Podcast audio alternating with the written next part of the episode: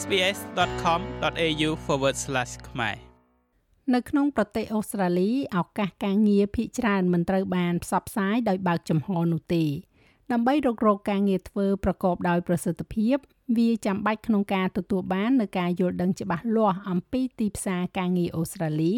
ជាជាងការពឹងផ្អែកទាំងស្រុងទៅលើការប្រកាសការងារតាមបែបប្រពៃណីតែម្យ៉ាង ហើយកត្តាសំខាន់គឺរុករកយ៉ាងសកម្មនៅវិធីសាស្ត្រដើម្បីគោះកកាយឱកាសការងារការដោះសោសក្តានុពលនៃទីផ្សារការងារដែលលាក់កំបាំងនិងស្គាល់ជាមួយនឹងសេវាកម្មការងារជនចំណាក់ស្រុកគឺជាជំហានសំខាន់ឆ្ពោះទៅរកការពន្លឿនដំណើរការស្វែងរកការងារធ្វើតាមរយៈការប្រើប្រាស់ធនធានទាំងនេះអ្នកអាចបង្កើនឱកាសនៅក្នុងការទទួលបាននូវការងារធ្វើកាន់តែឆាប់ ការស្វែងរកការងារធ្វើគឺជាការងារដ៏ពិបាកមួយ នៅពេលដែលអ្នកមកដល់ប្រទេសអូស្ត្រាលីភ្លាមភ្លាមវាជារឿងចាំបាច់នៅក្នុងការត្រួតពិនិត្យសិទ្ធិធ្វើការងាររបស់អ្នកជាបន្ទាន់ហើយបន្តស្វែងរកឱកាសការងារយ៉ាងសកម្ម។នោះគឺជាដំបូន្មានរបស់លោកស្រី Agnes Kemeny មេធាវីនៅ NB Migration Law you have to be absolutely brave enough to go អ្នកត្រូវតែក្លាហានហ៊ានចេញទៅក្រៅរកការងារគ្មាននរណារកការងារមកឲ្យអ្នកទេដើម្បីស្វែងរកការងារធ្វើវាមានសារៈសំខាន់ខ្លាំងណាស់ដែលអ្នកយល់ពីទីផ្សារការងារអូស្ត្រាលីវាមិនពាក់ព័ន្ធទេដែលអ្នកមានតុងសម្លេងឬក៏អត់នោះ សូម្បីតែការនិយាយទៅកាន់នយោជកថាអេខ្ញុំមានតុងសម្លេងនេះអ្នកចាំខ្ញុំទេអ្វីដែលជាគុណវិបត្តិអ្នកអាចប្រើវាឲ្យคล้ายជាមានប្រយោជន៍ប៉ុន្តែអ្នកត្រូវតែចេញទៅខាងក្រៅហើយអ្នកត្រូវតែស្វែងរកការងារធ្វើដោយខ្លួនឯងដើម្បីចាប់ផ្ដើមការស្វែងរកការងាររបស់អ្នកការចូលប្រើប្រាស់គេហទំព័រការងារដូចជា Seek Career One និង Jora រួមជាមួយនឹងប្រព័ន្ធផ្សព្វផ្សាយសង្គមដូចជា LinkedIn នោះ ផ្ដល់នូវការយល់ដឹងដ៏មានតម្លៃចំពោះប្រភេទការងារដែលមាន និងផ្នែកដែលគេត្រូវការ លោកស្រី Kemeny មានប្រសាសន៍ថាវាអាចមានប្រយោជន៍នៅក្នុងការតាក់ទងភ្នាក់ងារជ្រើសរើសបុគ្គលិកនិងស្វែងរកការងារធ្វើ។ the differences between recruitment ភាពខុសគ្នារវាងការជ្រើសរើសបុគ្គលិកនិងការជួលកម្លាំងពលកម្មគឺក្រុមហ៊ុនជ្រើសរើសបុគ្គលិកនឹងជួយអ្នកក្នុងការស្វែងរកការងារធ្វើពួកគេនឹងគិតថ្លៃសេវាកម្មពីអង្គភាពដែលស្វែងរកបុគ្គលិកចំណែកឯក្រុមហ៊ុនជួលកម្លាំងការងារ labor hire វិញគឺផ្ដល់ឲ្យអ្នកនៅការងារដោយផ្ទាល់ប៉ុន្តែពួកគេកំពុងជួលអ្នកឲ្យទៅធ្វើការងារឲ្យអ្នកប្រើប្រាស់ចុងក្រោយ។ ទោះជាយ៉ាងណាក៏ដោយការស្វែងរកការងារលើសពីតាមបណ្ដាញធម្មតានោះគឺវាពាក់ព័ន្ធទៅនឹងការចូលទៅក្នុងទីផ្សារការងារដែលលាក់កំបាំងដោយសារមុខតំណែងជាច្រើននៅតែមិនត្រូវបានគេផ្សព្វផ្សាយការធានាបាននៅការងារធ្វើគឺវាពាក់ព័ន្ធទៅនឹងការពង្រីកបណ្ដាញរបស់អ្នកយ៉ាងសកម្មដោយការចូលរួមដោយផ្ទាល់ជាមួយនឹងនយោជកនិងការបង្កើតបណ្ដាញនៅក្នុងប្រទេសអូស្ត្រាលី។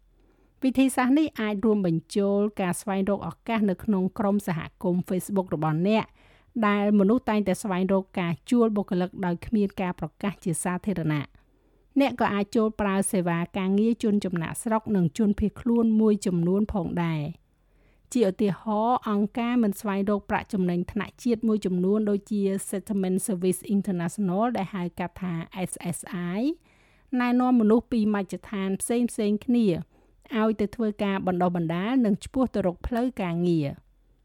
កម្មវិធី SSI ផ្ដោតជាពិសេសទៅលើសហគមន៍ជនភៀសខ្លួននិងជនចំណាក់ស្រុកលោកស្រី Judy Lakhani ប្រធានផ្នែកសេវាកម្មការងារពន្យល់ The first thing we do we call it the 10 steps of success រឿងដំបូងដែលយើងធ្វើយើងហៅថា10ជំហាននៃភាពជោគជ័យ ដែលជាការជួយពួកគេឲ្យយល់ពីអ្វីដែលពួកគេត្រូវការមានដូចជារបៀបបកប្រែឬក៏របៀបធ្វើឯកសារទាំងអស់របស់ពួកគេទៅក្នុងមូលដ្ឋានផុសតាងអូស្ត្រាលីរបៀបធ្វើឲ្យសញ្ញាបត្រពីបរទេសរបស់ពួកគេទទួលបានការទទួលស្គាល់នៅក្នុងប្រទេសអូស្ត្រាលីរបៀបស្វែងរកការងាររបៀបស្រាវជ្រាវអាជីវកម្មរបៀបសារភ្ជាប់ជាមួយនឹងសេវាកម្មនានាដូចជាពួកយើងជាដើមដើម្បីជួយពួកគេឲ្យមានភាពរឹងមាំនិងឯករាជ្យ នៅពេលមកដល់ជនអន្តោប្រវេសន៍ថ្មីត្រូវបានផ្សារភ្ជាប់ទៅសេវាកម្ម SSI តាមរយៈកម្មវិធីការងារសម្រាប់ជនភៀសខ្លួន និងជនស្វែងសុំសិទ្ធិជ្រកកោនរបស់ពួកគេ SSI វាតម្លៃសំណុំជំនាញរបស់អ្នកវាតម្លៃប្រវត្តិការងាររបស់អ្នកនិងពិចារណាពីសេចក្តីប្រាថ្នាអាជីពរបស់អ្នក តាមរយៈកម្មវិធីទាំងនេះមនុស្សរៀនពីរបៀបនៅក្នុងការកែសម្រួលប្រវត្តិរូបរបស់ពួកគេឲ្យស្របទៅតាមស្តង់ដារអូស្ត្រាលី និងទទួលបាននូវការយល់ដឹងកាន់តែស៊ីជម្រៅអំពីទីផ្សារការងារលោកស្រី Lakani ពន្យល់ថាប្រសិនបើអ្នកកាន់កាប់មុខអាជីពនៅបរទេស SSI អាចផ្ដល់ការណែនាំអំពីរបៀបដែលមុខអាជីពនោះអាចបកប្រែឬក៏ស្របតាមឱកាសដែលមាននៅក្នុងប្រទេសអូស្ត្រាលី For example, if you're a mechanical engineer in Middle East ឧទាហរណ៍ប្រសិនបើអ្នកជាវិស្វករមេកានិកនៅមជ្ឈមបូព៌ាដែលធ្វើការលើគម្រោងដែលមានតម្លៃរាប់ពាន់លានដុល្លារតើអ្នកអាចឈានជើងរបស់អ្នកចូលបានដោយរបៀបណា តើអ្នកអាចចាប់ផ្ដើមជាអ្នកគ្រប់គ្រងគម្រោងបានទេតើអ្នកអាចចាប់ផ្ដើមនៅកន្លែងផ្សេងទៀតបានទេ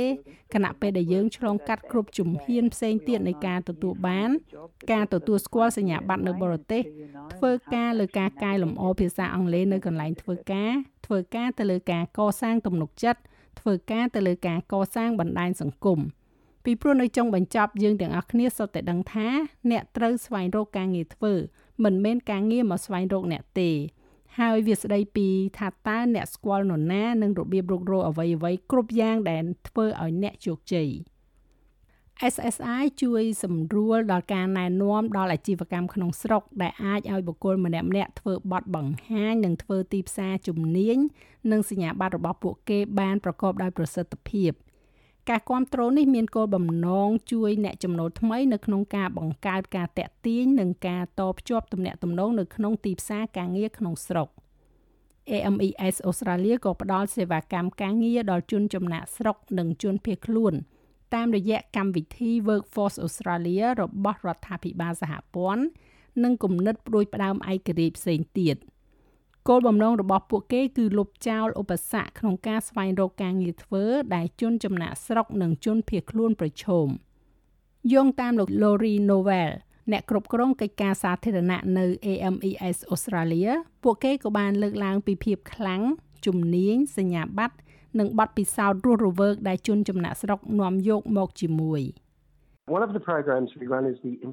កម្មវិធីមួយក្នុងចំណោមកម្មវិធីដែលយើងដំណើរការគឺកម្មវិធីណែនាំការងារដែលស្វែងរកការបង្កើនល្បឿនផ្លូវរបស់ជនចំណាក់ស្រុកឆ្ពោះទៅរកការងារធ្វើ វាត្រូវបានបង្កើតឡើងដើម្បីសម្របសម្រួលសេវាកម្មដែលជនចំណាក់ស្រុកអាចចូលដំណើរការបានកាន់តែប្រសើរឡើងដើម្បីឲ្យពួកគេចូលធ្វើការងារបានលឿនជាងមុនដូច្នេះហើយយើងនាំយកការតាំងទីលំនៅជនភៀសខ្លួនរបស់យើង បុគ្គលិកផ្នែកអប់រំនិងការងាររួមគ្នានៅកន្លែងតែមួយហើយពួកគេអាចសាកល្បងជនចំណាក់ស្រុកឬក៏ជនភៀសខ្លួនម្នាក់ម្នាក់ហើយបន្ទាប់មកធ្វើការជាមួយពួកគេដោយផ្អែកទៅលើភាពខ្លាំងរបស់ពួកគេនិងឧបសគ្គរបស់ពួកគេនិងអ្វីដែលពួកគេត្រូវការដើម្បីធ្វើការអភិវឌ្ឍអាចទទួលបានការងារធ្វើកម្មវិធីទាំងនេះគឺមិនគិតថ្លៃទេ AMES ក៏ដំណើរការកម្មវិធីអន្តោប្រវេសន៍ជំនាញវិជ្ជាជីវៈ Skill Professional Migrants Program ដែលជាវគ្គសិក្សាដែលណែនាំជនចំណាក់ស្រុកមានជំនាញវិជ្ជាជីវៈទៅកាន់កន្លែងធ្វើការនៅក្នុងប្រទេសអូស្ត្រាលី។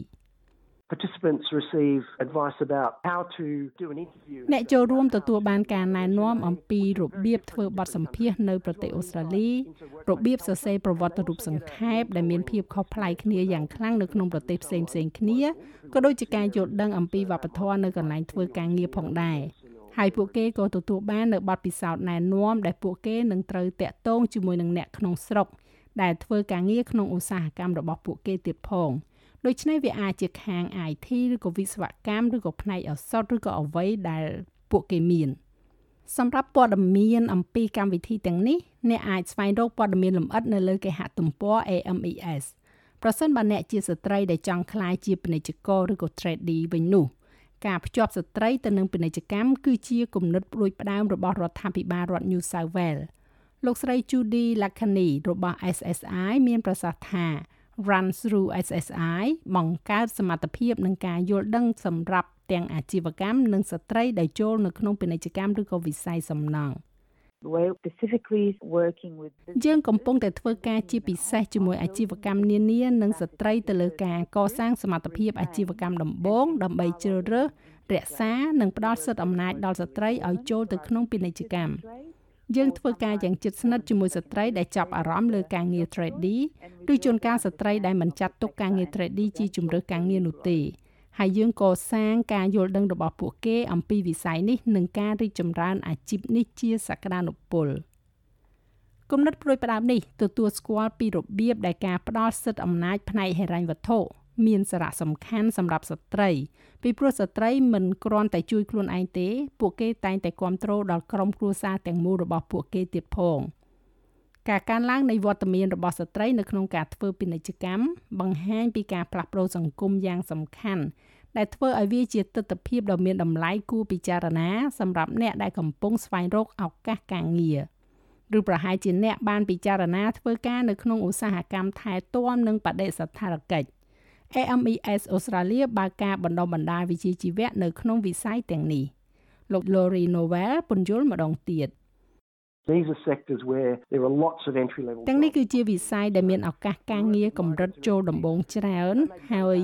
យើងធ្វើការជាមួយជនចំណាក់ស្រុកនិងជនភៀសខ្លួនដែលប្រហែលជាមិនមានជំនាញវិជ្ជាជីវៈប៉ុន្តែចង់ធ្វើការងារ ហើយតាមរយៈការថែទាំនិងបដិសណ្ឋារកិច្ចពួកគេអាចទទួលបានជំនាញនិងសញ្ញាបត្រយ៉ាងឆាប់រហ័សដែលពួកគេត្រូវការដើម្បីចូលរួមនៅក្នុងកម្លាំងពលកម្មឧស្សាហកម្មថែទាំគឺជាវិស័យមួយក្នុងចំណោមវិស័យដែលកំពុងរីកចម្រើនលឿនបំផុតវាមានបុគ្គលិកជិត2លាននាក់ហើយវានឹងកើនឡើងដល់ទៅ2លាន5សែននាក់នៅឆ្នាំ2025លោកស្រី Agni Khemeni និយាយថាឱកាសរបស់អ្នកនៅក្នុងការទទួលបានការងារក៏អាចកើនឡើងផងដែរដោយផ្ដល់ការងារស្ម័គ្រចិត្ត2 3ខែ you introduce yourself you introduce your talent អ្នកណែនាំខ្លួនអ្នកអ្នកណែនាំពីទេពកោសល្យរបស់អ្នកពីព្រោះរាល់ជនចំណាក់ស្រុកដែលមកប្រទេសនេះពំនាំមកនៅទ្រព្យសម្បត្តិដ៏អស្ចារ្យនៃវប្បធម៌និងវិធីសាស្ត្រផ្សេងផ្សេងគ្នាចំពោះមុខអាជីពជាក់លាក់និងរបៀបដែលអ្នកប្រព្រឹត្តនៅកន្លែងធ្វើការ ប្រកាសណាស់ខ្ញុំសូមណែនាំវានៅក្នុងស្ថានភាពដែលអ្នកកំពុងស្វែងរកការងារជាយូរមកហើយហើយអ្នកត្រូវបានបដិសេធ30 40 50លើកមកហើយនៅពេលដែលក្រុមហ៊ុនសបាយចិត្តនឹងការងារនិងការបដិញ្ញាចិត្តរបស់អ្នកនោះអ្នកប្រហែលជាត្រូវបានផ្ដល់នៅមុខតំណែងដែលមានប្រាក់ខែលោកស្រីខេមនីស្នើឲ្យធ្វើការស្រាវជ្រាវអំពីកម្រិតប្រាក់ខែ។ one of the most important websites គេហទំព័រដ៏សំខាន់បំផុតមួយដែលពួកយើងជាក្រុមហ៊ុនធ្វើចំណាក់ស្រុកក៏ប្រើប្រាស់សម្រាប់ដាក់ពាក្យសុំទិដ្ឋាការផងនោះគឺ Payscale វាផ្ដល់ព័ត៌មានអំពីកម្រិតប្រាក់ខែជាមធ្យមសម្រាប់មុខអាជីពនីមួយៗវាមានប្រយោជន៍ខ្លាំងណាស់នៅពេលអ្នកចេញទៅក្រៅទៅកាន់ពិភពការងារដ៏ធំនៅក្នុងប្រទេសអូស្ត្រាលីហើយអ្នកកំពុងស្វែងរកការងារធ្វើអ្នកនឹងយល់ពីកន្លែងដែលអ្នកចាប់ផ្ដើមចរចាប្រាក់ខែរបស់អ្នក។ ចាស់ឲ្យរបាយការណ៍នេះចងក្រងឡើងដោយ Melissa Companoni និងប្រែសម្រួលសម្រាប់ការផ្សាយរបស់ SBS ខ្មែរដោយនាងខ្ញុំហៃសុផារ៉ានីចុច like share comment និង follow SBS ខ្មែរនៅលើ Facebook